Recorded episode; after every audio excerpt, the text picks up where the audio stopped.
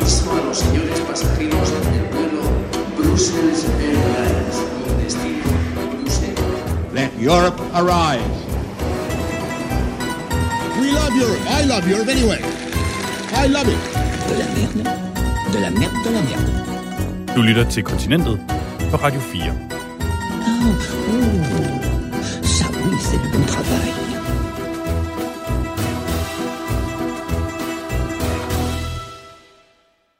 Den 3. maj er det præcis 100 år siden, at den irske ø blev delt i to. Irland, som med tiden blev selvstændigt, og Nordirland, som forblev en del af det forenede kongerige, sammen med England, Skotland og Wales. Der var mange, der tvivlede på, at den her opdeling ville holde. Men imod alle odds kan landet Nordirland altså nu fejre sin 100 års fødselsdag. Og som altid med Nordirland, så findes der to sider af den sag.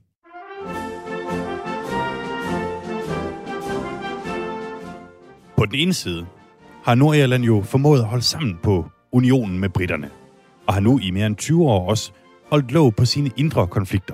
De borgerkrigslignende tilstande er fortid, og unge nordirer kan vokse op i tryghed.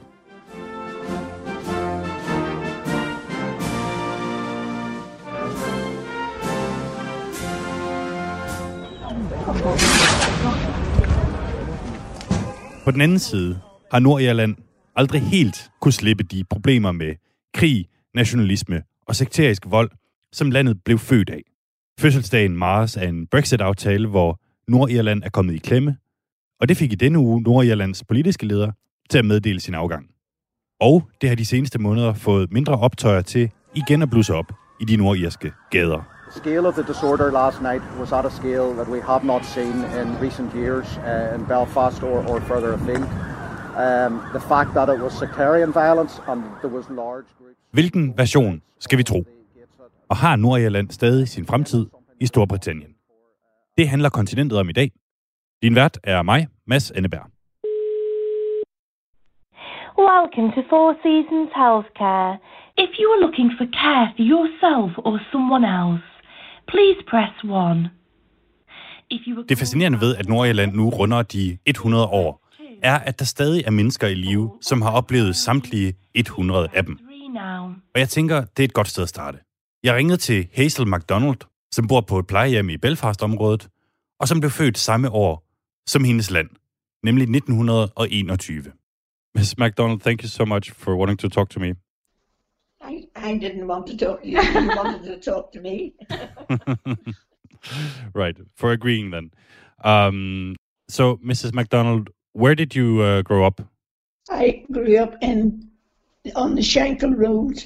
It's well known everywhere, all over the world. Shankill Road in Belfast. Hazel MacDonald er fra et protestantisk hjem og voksede op på Shankill Road i hovedstaden Belfast. Den vel nok mest berygtede protestantiske gade i byen. Selvom mange af Nordirlands 100 leveår har været hårde, og landet i flere årtier dannede rammer om en blodig sekterisk konflikt, så peger hun på de første år efter opdelingen som de allersværeste. There wasn't much money about. There wasn't much work about. So my father had a job in the um, a bank. Der var ingen penge og intet arbejde. Hendes familie var den heldige undtagelse, fordi både faren og moren havde et job. Og så var der selvfølgelig spændingerne i samfundet mellem de to befolkningsgrupper, som beboede det her nye land. De irsk-sindede katolikker og de britisk-sindede protestanter. It was difficult enough, but we all got on together.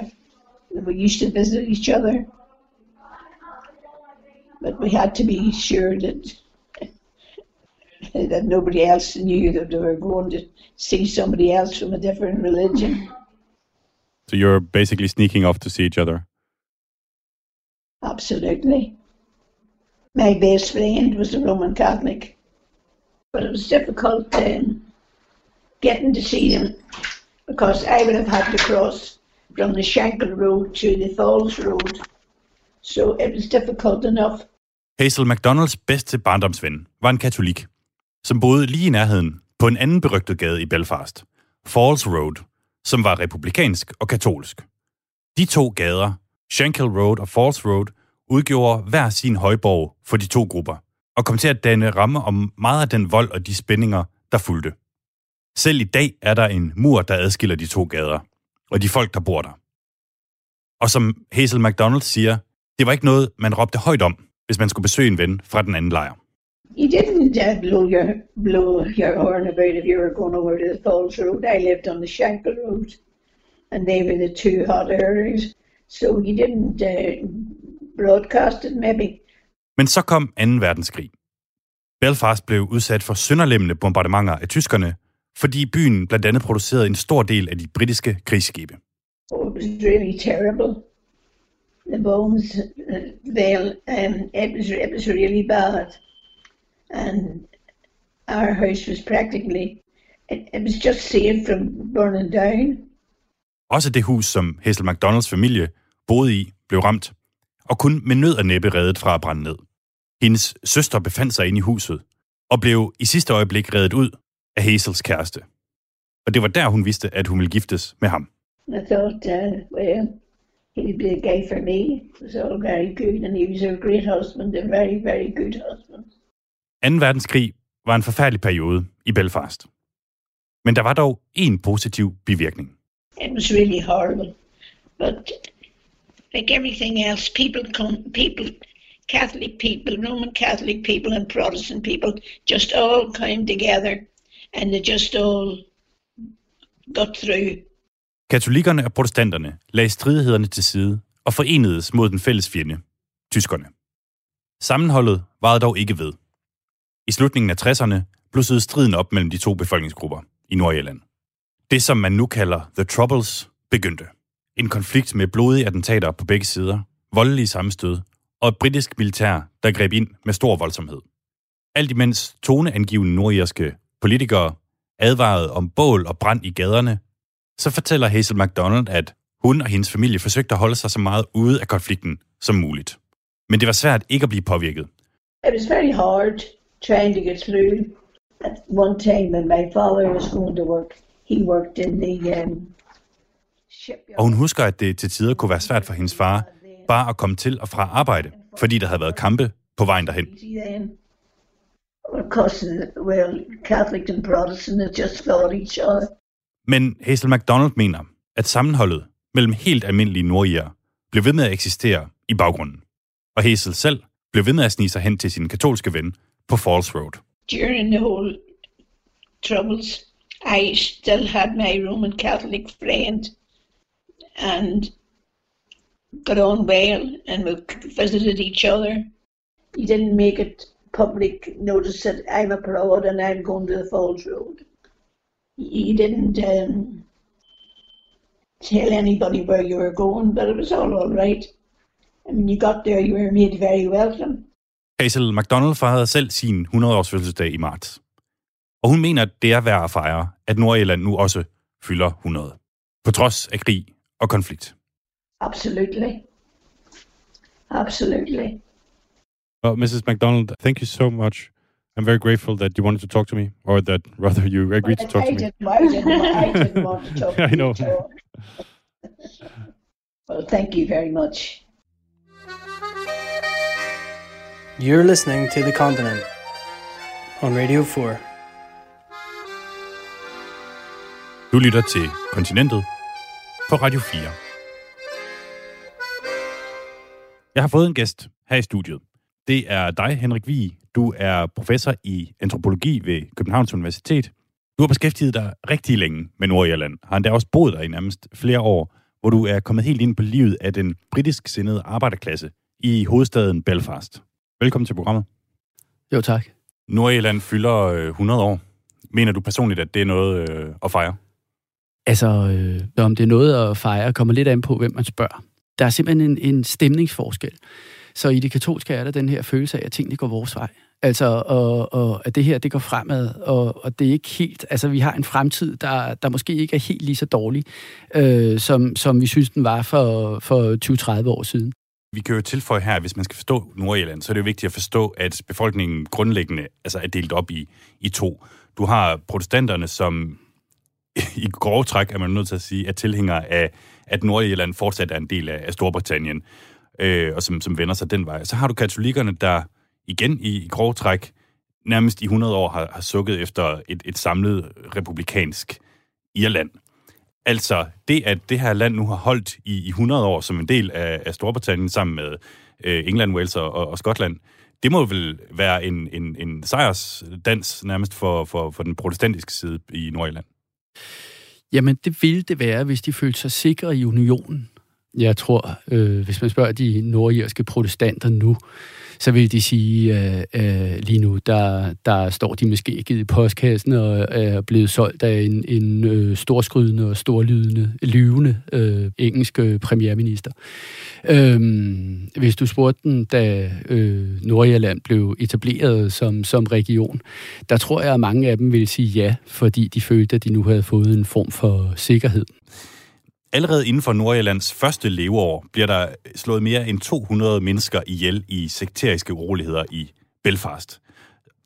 Og når man kigger tilbage på de første 100 år, kan jeg ikke helt lade være med at tænke på, om projektet Nordjylland lige fra starten har været designet til at gå galt.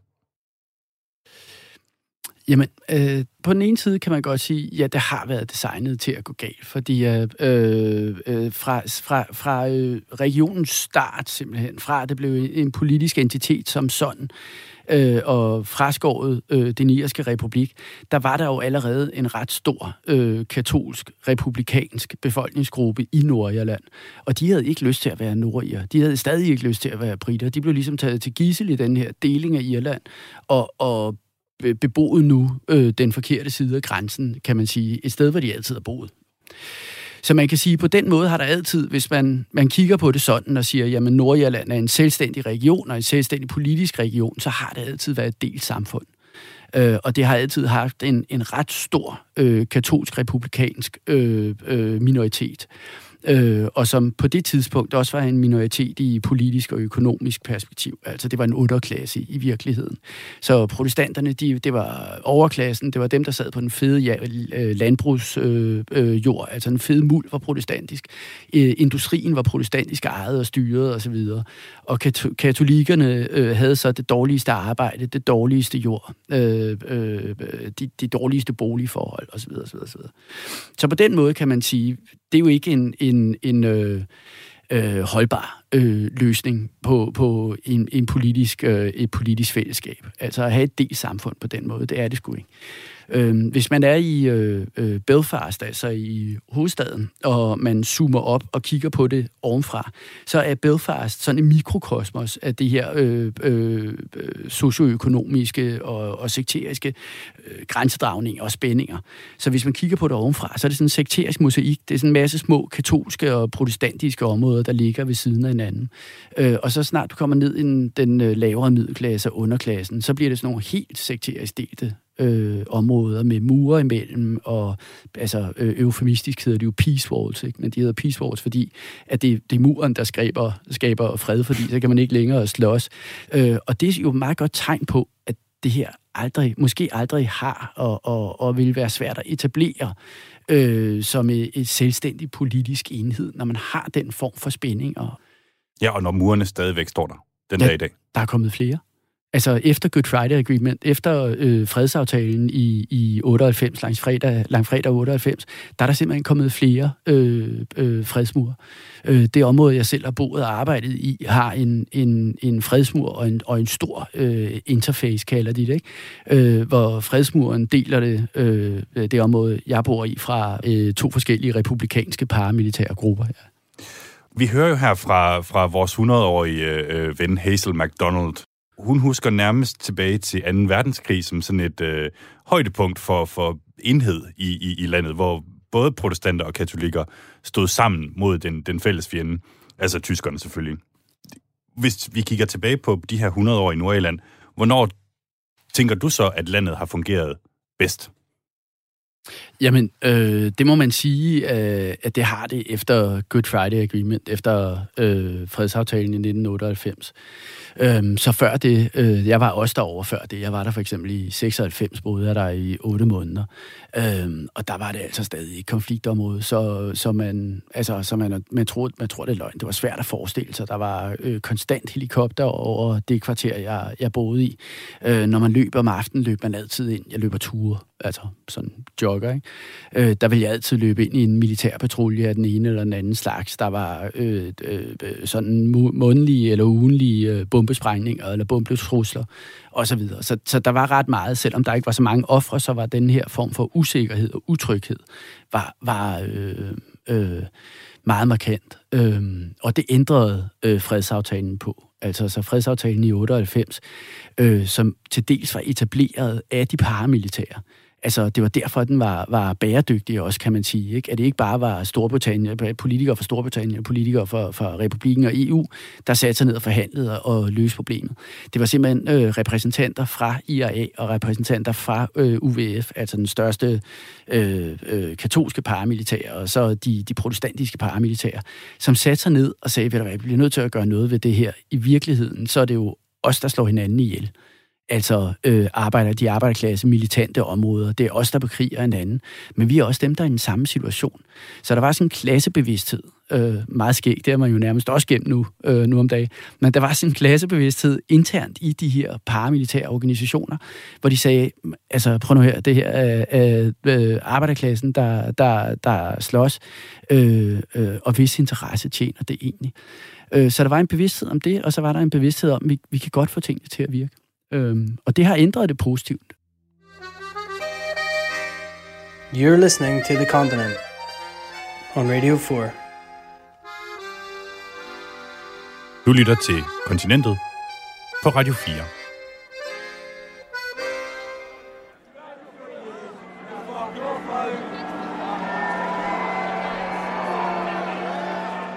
I begyndelsen af sidste år var jeg en tur i Storbritannien for radioen her.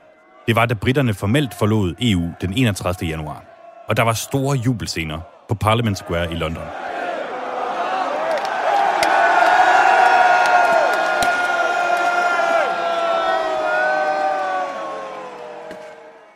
Dagen efter tog jeg til Nordjylland. Og lige så jublende som englænderne havde virket, lige så magtesløs følte stemningen i Nordjylland, hvor de havde stemt imod Brexit, men alligevel stod til at blive dem, der blev allermest påvirket af det. Jeg besøgte en katolsk familie, hvor det udviklede sig fra et normalt interview til, at jeg lige pludselig sad sammen med hele familien, der var på vej i en minibus til Irland, hvor de skulle holde en kæmpestor fødselsdag for bedstemoren. På et tidspunkt siger en af deltagerne til mig, hør, hvis du er interesseret, så ring til ham her. Han var med i IRA. Altså, den væbnede republikanske paramilitære gruppe, som kæmpede for et frit, forenet Irland, og stod bag anslået 1.800 mor mellem 1969 og 1994. I denne uge, godt et år senere, ringede jeg til manden, som hedder Michael Donnelly. Um, Michael Donnelly, I, I would be considered a, an Irish Republican. I, I was involved in civil rights marches and at the time, um, calling for one man, one vote and various other human rights demands, and um, took part in the 5th of October march Uh, uh, that's considered the start of the troubles here. So um, I was involved in that march, and uh, the paramilitary police, the RUC, beat us off the streets. So um, it just snowballed from there on. Michael er i dag 72 og pensioneret murer. Han er fra den by i Nordjylland, hvor selv bynavnet er et stridspunkt mellem katolikker og protestanter. For Michael og de andre irsk sindede hedder byen Derry. For de britisk sindede Londonderry. Michael Donnelly var i start 20'erne, da The Troubles begyndte. Den blodige konflikt i Nordjylland. Og han var med på allerførste parket i både demonstrationer og kampe mod politiet. Previous generations had, for various reasons, tended to accept the status quo, and, and uh, my generation didn't. Den 9. august 1971 blev Michael Donnelly og 13 andre republikanere pågrebet af det britiske militær. Those my claim to fame would have been to be interned by uh, the British Army in 1971, and um, the day of internment when I was lifted, um, I was tortured. Uh, kind of um, later years then it became known as I was one of the hooded men. De blev senere kendt som de hætteklædte mænd, fordi de, blandt andet med hætter over hovedet, fik en behandling, der var så hårdhændet, at den stadig den er ramme om retssager den dag i dag. Jeg skal understrege, at det følgende er Michael Donnellys egen version af begivenhederne. Men det er en ret velbeskrevet hændelse, og de store linjer i hans historie bliver bakket op af det, som de andre mænd har fortalt, og det, som har været fremme i undersøgelser, retssager og mediedækningen. Ifølge Michael Donnelly selv blev han hentet midt om natten, og senere fløjet i helikopter til en militærbase et sted i Nordjylland. Taken up in a helicopter. Um, I was told, you better talk, we're going to throw you out. And I could feel the, the helicopter door open, and you could feel a rush of air coming on, very cold air. Too. Undervejs fik han at vide, at hvis ikke han gav dem de oplysninger, de gerne ville have, så ville han blive smidt ud af helikopteren. I was dragged over to the door, and somebody shouted in my ear, know, are you going to talk? We're going to throw you out. Are you going to talk? And uh, I got um, pushed out, landed me back on the ground. Soldaterne smed ham ud, men det viste sig, at de kun var 3-4 meter over jorden. I was about up about 10, 12, 13 feet, something like that. So surprised to be still alive. And, uh, uh, taken from there and uh, given a bit of a beating along the way. I løbet af flere dage blev Michael Donnelly udsat for ekstreme forhørsteknikker. Han fortæller, at han blandt andet blev tvunget til at stå i akavede positioner op mod en mur, blev nægtet søvn og mad, og fik en tyk hætte over hovedet. And I had great difficulty breathing because uh, the bag was seemed to be very thick.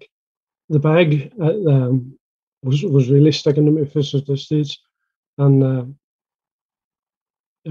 as it turned out, it, it was blood.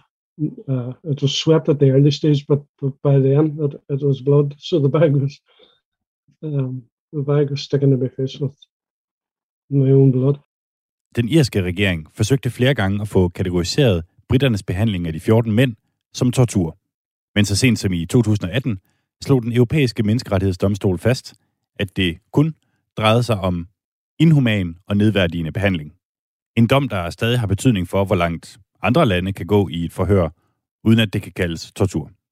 I mean, if you if you had gone through what I went through, you'd be no doubt that you were tortured. Um, i thought I was going to die, you know, and, and had sort of come to terms with that, you know. Michael Donnelly havde allerede affundet sig med, at han skulle dø. Men til sidst gav britterne op og smed ham i stedet i fængsel i knap fire år. Han blev løsladt i 1975 som led i en våbenhvile.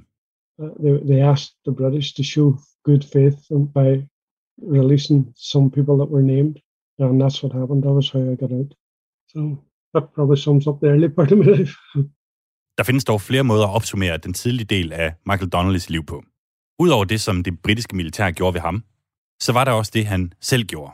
Jeg spørger ham, hvad han havde foretaget sig, umiddelbart inden han blev hentet af det britiske militær, den 9. august 1971. Uh, I had been out, let's say, doing certain things anyway, and I hadn't got, uh, arrived home about two, three o'clock in the morning, and uh, about four or five o'clock in the morning, um, British soldiers smashed on the front door, and I got dragged off on the back of a Land Rover. Michael Donnelly vil kun sige, at han havde gjort visse ting samme nat. Selvom det er et halvt århundrede siden, så er han overbevist om, at han selv den dag i dag kan blive retsforfulgt, hvis han taler over sig. You, you can't uh, you can't discuss things in detail. You know, it doesn't matter about the length of time if you're, you know, uh, they'd be quite happy to prosecute you again. You know, for Selv tilknytningen til IRA vil han ikke sige højt. Were you part of the IRA at any point? well, again, I, you know, I can't say that I was, but obviously, you read between the lines. You know. Men målet for ham og hans ligesindede var at vælte det britiske styre i Nordirland. For enhver pris. We were all like-minded and decided we had had enough of this sort of like this bastard state, the northern, you know, Northern Ireland, and uh, we were determined to overthrow it by hook or by crook. Vi vender tilbage til Michael Donnelly lidt senere i udsendelsen. Men først skal I lige med en tur ind bag kulissen på programmet her, hvor jeg godt vil komme med en indrømmelse. Jeg har selvfølgelig brugt en del tid på interviewet med Donnelly i løbet af ugen, men blev faktisk så optaget af at få styr på detaljerne i hans historie her, at jeg har begået en fejl. For en ting er, at han ikke vil tale om sin egen involvering i IRA. Men det er en fejl, at jeg ikke spørger ham, om han generelt bakker op om de mange blodige angreb, som IRA udførte under konflikten, og hvordan nogen kamp i øvrigt kan retfærdiggøre så mange drab, herunder flere hundrede på civile. Jeg har prøvet at få fat på ham igen, uden held. Men jeg håber, at det vil lykkes, og at jeg i så fald kan bringe det i et af de kommende programmer. You're listening to The Continent on Radio 4. Du lytter til Kontinentet på Radio 4. Jeg sidder her i studiet med dig, Henrik Vig. Øh, du er altså antropolog og har været så rar at komme i studiet i dag for, for at tale med mig om, om Nordirland, som du ved en hel masse om. Det her med, at vi markerede 100-året for, for Nordirlands tilblivelse, altså den 3. maj 1921, det er jo noget, som der er lidt delte meninger om, hvorvidt det er noget, man, man, man skal fejre. Vi kommer senere til ham Michael Donnelly her, som vi lige har hørt fra, hvad, hvad hans mening er om den sag. Øhm, han har altså været en central figur i den her republikanske kamp under The Troubles. Men han vil ikke sige, hvad han har gjort. Øhm, han vil nærmest heller ikke rigtig bekræfte, at han har været med i IRA, simpelthen fordi han, han er bange for, at han bliver retsforfulgt selv her mange, mange årtier bagefter. Så vil du ikke være sød, simpelthen bare lige at beskrive for os, hvad var IRA? efter Bloody Sunday i 1972, den her meget berømte konfrontation mellem en, en katolsk borgerrettighedsbevægelse og det britiske militær, hvor det britiske militær skød en masse borgerrettighedsforkæmpere. Øh, der var der en, en reel mobilisering øh, blandt øh, irsk republikanske paramilitære i Nordirland. Øh, altså inden for irsk republikanske befolkningsgruppe i, Nord, i minoritet i Nordirland, der var der en del af dem, der sagde, vi bliver nødt til øh, og, og ty til våben øh, for at få en, en øh, samlet republik og, og for at komme af med det her britiske overherredømme og tyranni, der er stadig er i den her lomme op i og op i Nordjylland. Øhm, ja, fordi i, hvad, hvad, hvad der startede som en som borgerrettighedsbevægelse, det, det ender jo så med at blive en en terrorgruppe, kan man jo godt sige. Altså, ja. det, er jo, det er jo først næsten for nylig, at man har fået offentlige skraldespande igen i London, fordi man har været bange for IRA's øh, bomber. Altså, ja. det, det, og der, der er mange mennesker, der er døde på grund af IRA-attentater. Altså, hvad, hvad, hvad har omfanget været af de øh, sådan uhørligheder, hvis man kan sige det på den måde?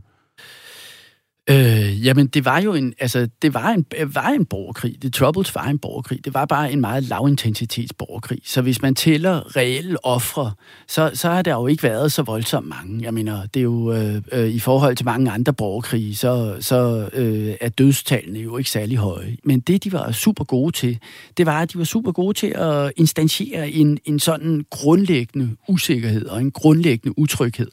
Så i, i den nordirske samfund, hvis man var politimand, hvis man var brandmand, så, så var man altså bange hver dag, når man satte sig ind i sin bil og tændte for, for øh, motoren, fordi de var ret gode til at placere øh, sådan nogle små øh, bomber under biler, for eksempel, som detonerede, når du tændte øh, motoren osv. Så, videre.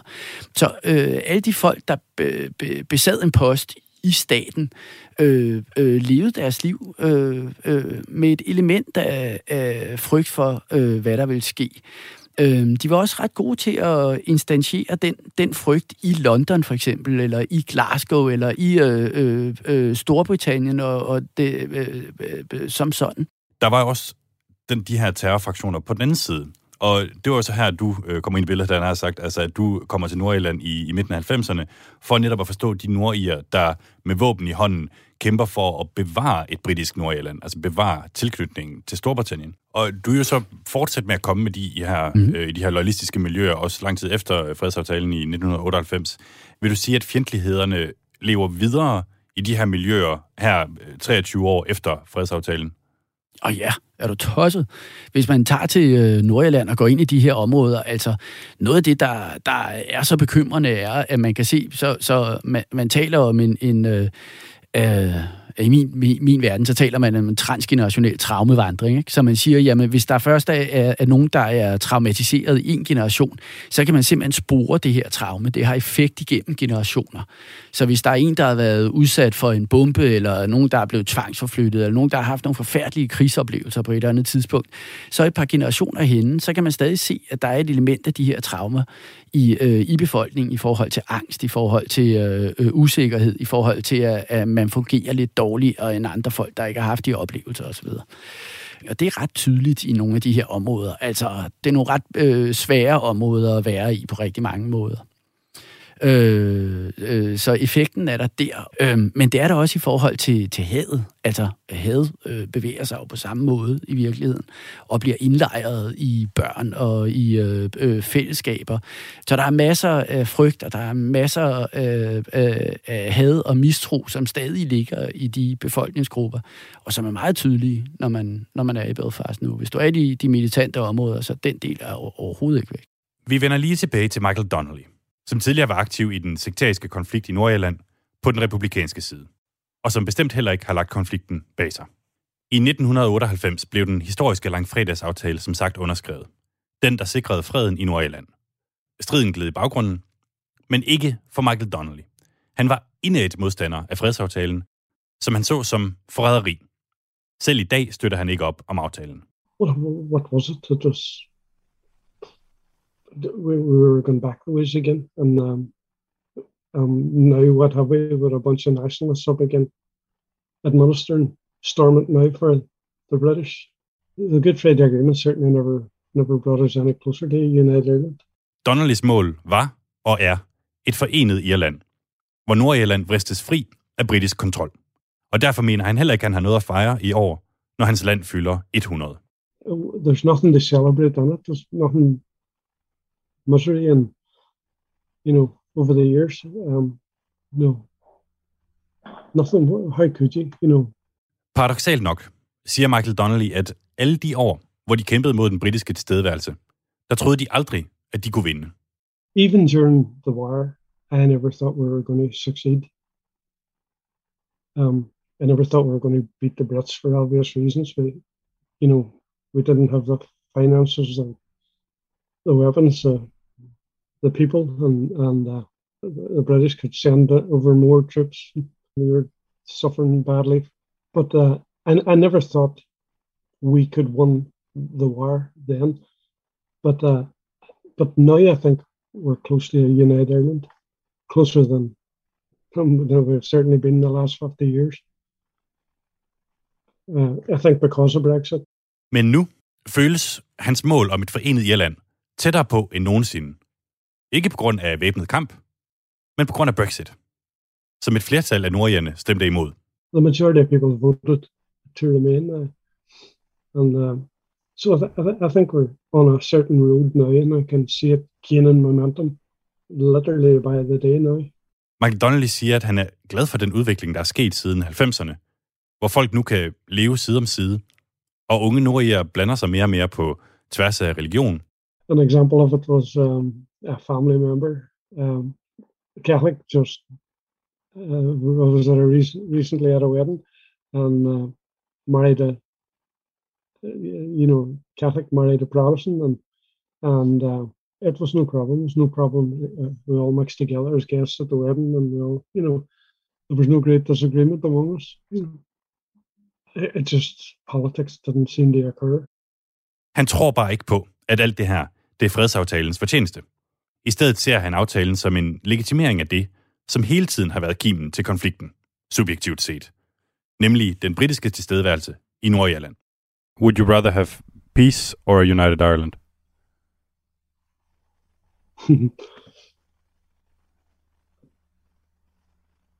I think if united Ireland, peace will follow.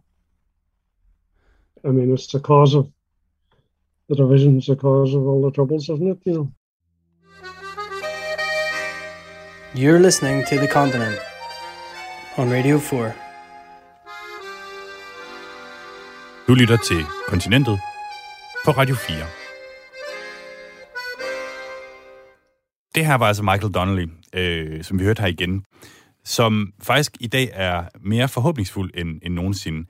Fordi hvis vi kigger på, på Brexit, som han jo er inde på, så er Nordirland var jo for det første hele årsagen til, at Brexit på en måde udviklede sig til det shitshow, som, som, som det gjorde, og at det trak ud i så lang tid, og at vi alle sammen skulle, skulle høre på det i mellemtiden. Ikke? Men man kan sige, hans pointe, Michael Donnelly, er, at de kæmpede med, med, med næb og klør og våben og, og bomber dengang for at opnå dybest set et forenet Irland. Men, men de troede aldrig helt på, at, at de ville vinde. Og nu viser det sig så, at den her udvikling, som de jo ikke har løftet en finger for, nemlig øh, Brexit, faktisk har endt med at, at bringe dem tættere på deres mål, end deres kamp nogensinde gjorde. Henrik Vig, hvad, hvad, hvad tænker du om den øh, sammenligning? Øh, jamen, øh, først og fremmest tænker jeg, at det er en fuldstændig ret i. Altså, når man øh, ser udviklingen i Nordjylland lige nu, hvis vi tænker på, tilbage på, på de optøjer, der var her for et par uger siden, øh, og som var ret massive faktisk, øh, som var protestanter, der, der øh, lavede øh, øh, bål i gaden og, og brændte pusser af og angreb en fredsmur, sjovt nok. Øhm, øh, så hvis man kigger på de optøjer, så var de jo øh, direkte rettet til Brexit, og de var direkte rettet til den her øh, politiske proces, hvor de føler, at de er i gang med at blive øh, afskåret fra, øh, øh, fra unionen. Altså, vi, uh, Boris Johnson har simpelthen... Øh, øh, øh, øh han er solgt ud. Han har, han har øh, øh, kastet os under bussen øh, i forhold til at få en aftale med EU. Øh, og der er den her skuffelse, som er, jamen han sagde jo, at han ville gøre os centrale, og nu i virkeligheden, så har Brexit betydet, at vi er blevet udgrænset. Alt det, vi stemte på, det er i virkeligheden, så, så er det nu, øh, øh, har vi, kan vi se, at vi har skudt os selv i foden. Øh, Brexit betyder, at der bliver nødt til at være en tolkgrænse et eller andet sted. Og når Good Friday Agreement, fredstraktaten, øh, garanterer, at den ikke kan ligge mellem Nordirland og Republiken Irland, så var der kun et sted at ligge den grænse, og den blev derfor lagt i det irske hav, altså mellem Nordirland og Skotland.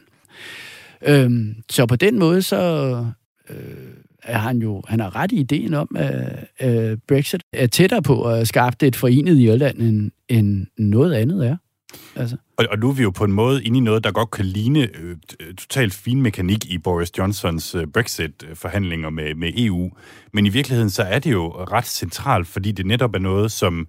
Altså, hvis, hvis du er en virksomhed i Nordjylland for eksempel, jamen så, så skal du til at betale 12 på ting, du eksporterer til England, og så får du det måske tilbage senere. Og sådan noget, men, men det skaber netop den her barriere mellem Nordjylland og, og England.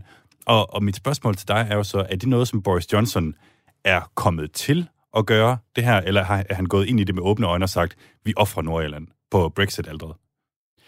Jeg er lidt i tvivl om det. Altså, jeg tror, øh, hvis du kigger på, hvor langt altså, der er fra en øh, loyalistisk protestant i et arbejderklasseområde, og til Boris Johnson, der er født med en øh, øh, sølske i munden, øh, har øh, ren Oxbridge-uddannelse øh, øh, og privatskole og med mange millionære forældre. Der, der er, det er simpelthen så stort et spænd, som du kan få nogen steder i, øh, i Storbritannien. Så jeg tror helt ærligt ikke, at Boris Johnson han har, han har haft helt idé om, hvad det var, der skete derop, og, og hvad det var, rammerne for det der var siger det måske noget om, at, at man i England ikke er helt bevidst om, hvad der foregår ude i den der sådan lidt fjerne afkrog af, af kongeriget, som hedder Nordjylland? Ja, bestemt. Øh, og det, det er der også mange folk, der, der siger sådan, at de synes, det, det er et lidt forfærdeligt sted, og, og hvorfor skulle vi være interesseret i det? Og, og det er sådan nogle lidt øh, øh afsides øh, typer, der, der, der har problemer med hinanden. Øh, så altså et eller andet sted tror jeg, der er rigtig mange folk i, i England og, og resten af Storbritannien, der vil synes, det var da, det var da fint, hvis øh, det blev de irske anlæggende, og så kunne de få de problemer også. I, i, øh, I Storbritannien, Henrik, der hold, afholder man hver tiende år sådan en form for folketælling, som hedder mm. The Census. Og det er så her, hvor folk ligesom bliver spurgt ind om alt øh, fra etnicitet og sprogkompetencer til også religiøst tilhørsforhold. Og lige præcis i Nordjylland i år, hvor, hvor den her så skal afholdes, der holder man sådan lidt vejret, fordi for hver gang den er blevet afholdt de sidste 100 år, der er der kommet flere og flere katolikker til, på grund af den demografiske øh, udvikling. Ikke? Og i år regner man så med, at det ligesom er, er gangen, hvor der for første gang vil være flere katolikker i Nordjylland, end der vil være protestanter. Altså, der ligger jo den her ting i langfredag-aftalen om, at der på et tidspunkt skal være en folkeafstemning om, hvorvidt Nordirland skal blive en del af, af Irland. Mm-hmm. Øh, og, og det skal de jo så simpelthen stemme om. Og med, med, med de her tal, så virker det jo nærmest uundgåeligt, at det kommer til at ske. Øh, ja, altså unionisterne omtaler det som den demografiske trussel.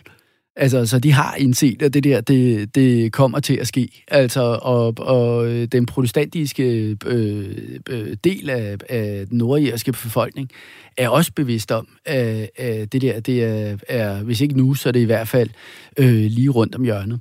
Jeg er lidt i tvivl om, altså det her med, om, om Nordirland så bliver en del af, af republikken, og hvordan øh, og hvornår det gør det. Jeg, jeg er lidt i tvivl om, om det kommer til at ske sådan lige øh, med det samme, fordi man må tænke på, hvad det er, republikken så skulle, skulle indstille sig på at have problemer. Øh, så øh, Nordjylland er dyrt. Altså, øh, det er som en lille politisk enhed, så er der blevet kastet ufattelig mange milliarder efter den, øh, øh, for at etablere fred, for at holde fast i freden, for at styrke samfundet, for at styrke cross, øh, cross community øh, øh, work og community work. Øh, øh, så jeg tror, at Republiken Irland, øh, tror jeg også er bevidst om, jamen, hvis det, øh, det bliver indlemmet her og nu, så får vi jo egentlig det samme scenarie, bare med modsatte fortegn. Øh, og protestanterne er begyndt at snakke om, at de nu er ved at blive second-class citizens. Altså, øh, og øh, de bliver en minoritet i, øh, i, i Irland som sådan. Øh, og hvad er deres rettigheder, og hvordan, har, hvad, hvordan står de som en minoritet internt øh, i Irland? Det er, de, det er noget, de snakker om, og det er noget, de er fokuseret på.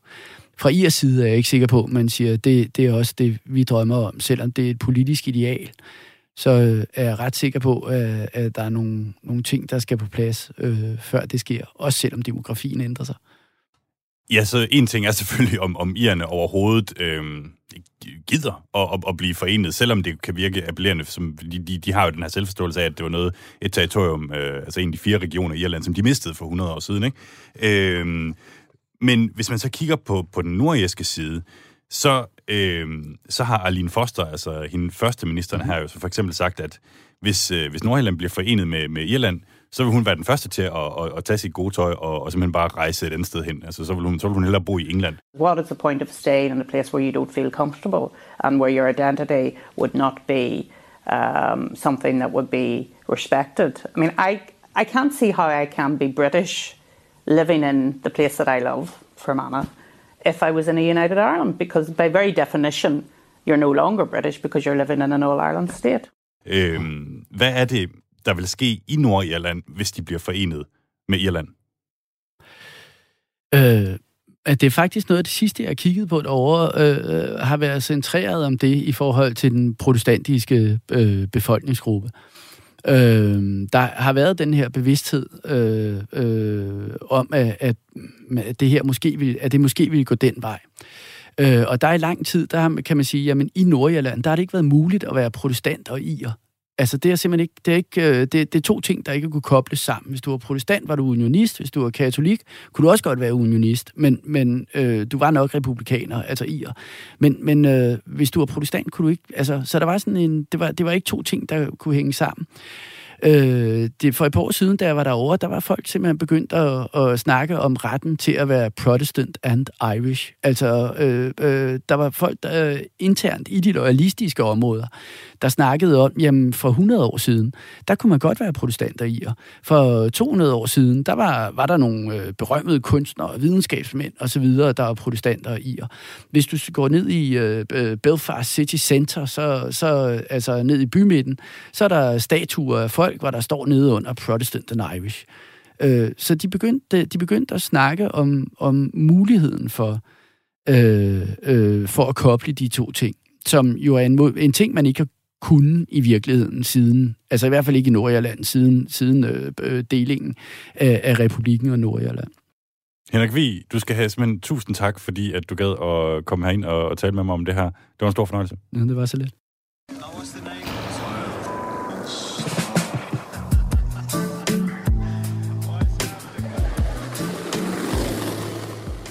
My name's Bannon Dillon, and I'm a freelance creative based in Belfast um, and along with lots of my other friends, um, take part in the Joylist Skateboard Collective.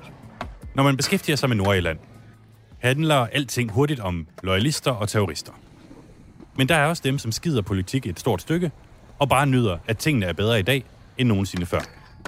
Et godt eksempel på det er skateboardgruppen The Joyalists fra Belfast. Jeg tog en snak med Ben Dillon og hans skaterven Tony Moore – but we've been skating together as a unit for like I don't know, maybe seven about years seven, now. six years. Yeah, about seven yeah, years. But yeah, you know, since we kind of grouped grouped together and then AIM came about, it's just given us access to so many cool things. Navnet på den her gruppe, The Joyalists, lyder på overfladen meget uskyldigt. Men i Nordjylland er referencen ikke til at misforstå.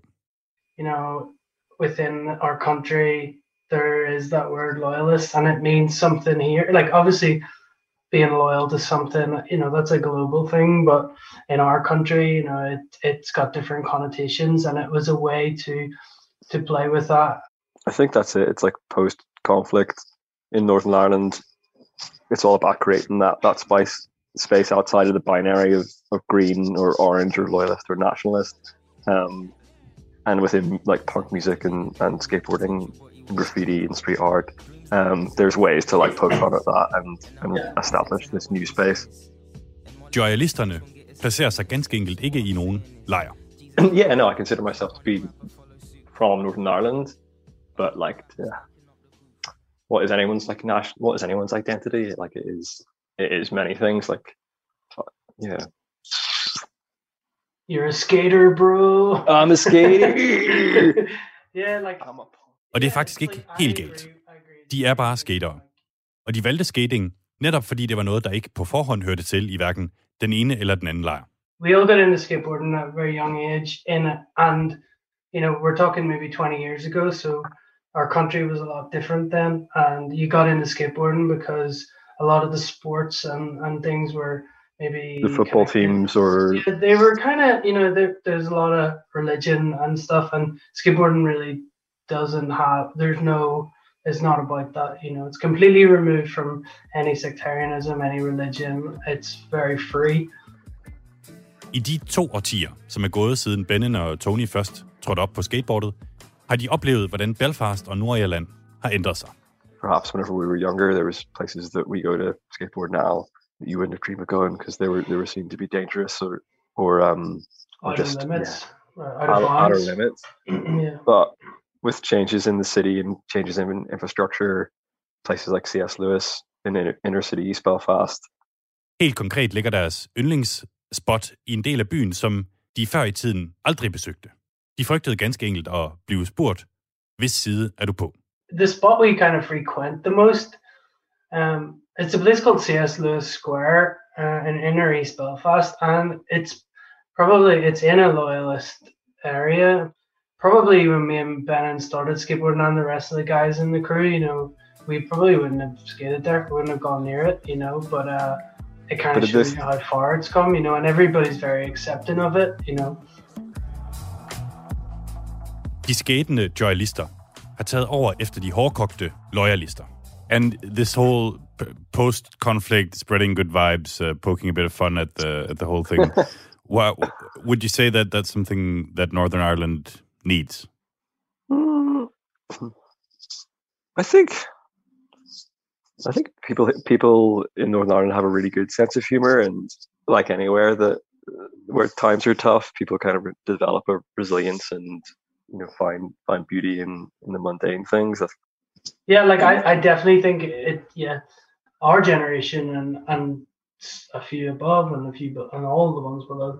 The majority of those people do want like a better future for the country and do and we all do kind of poke fun at, at the past in a way that says like, yeah, we're not about that. We're not about that at all, and we want to live in a real peaceful society and Joyalisterne ønsker sig et fredeligt samfund, hvor man kan lave sjov med fortiden.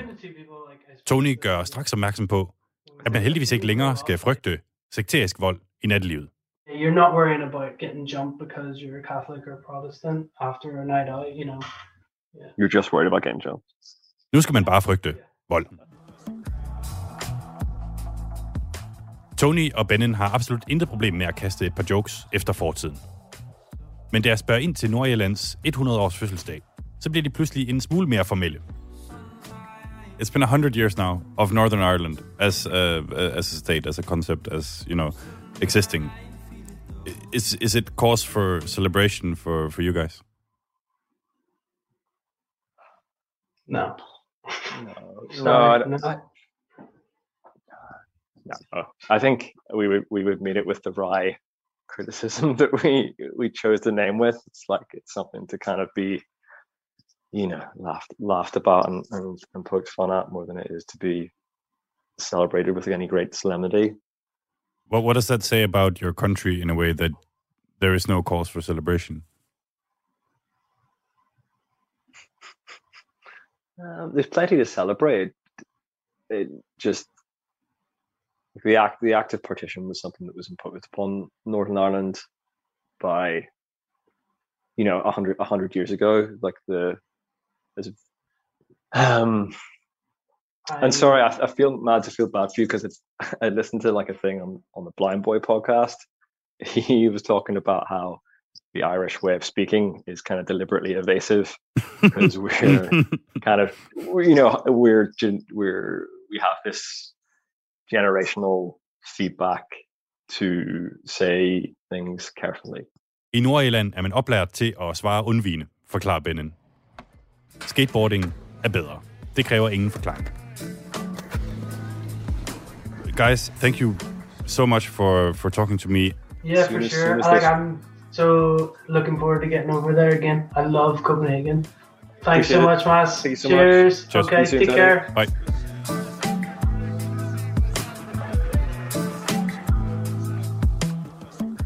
Ja, ifølge The Joylists er der masser af ting at fejre i Nordirland.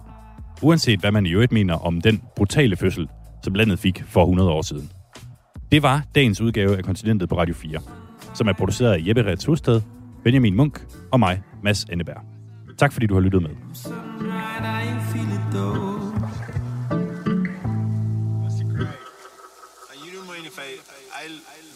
I just want to take one of those cans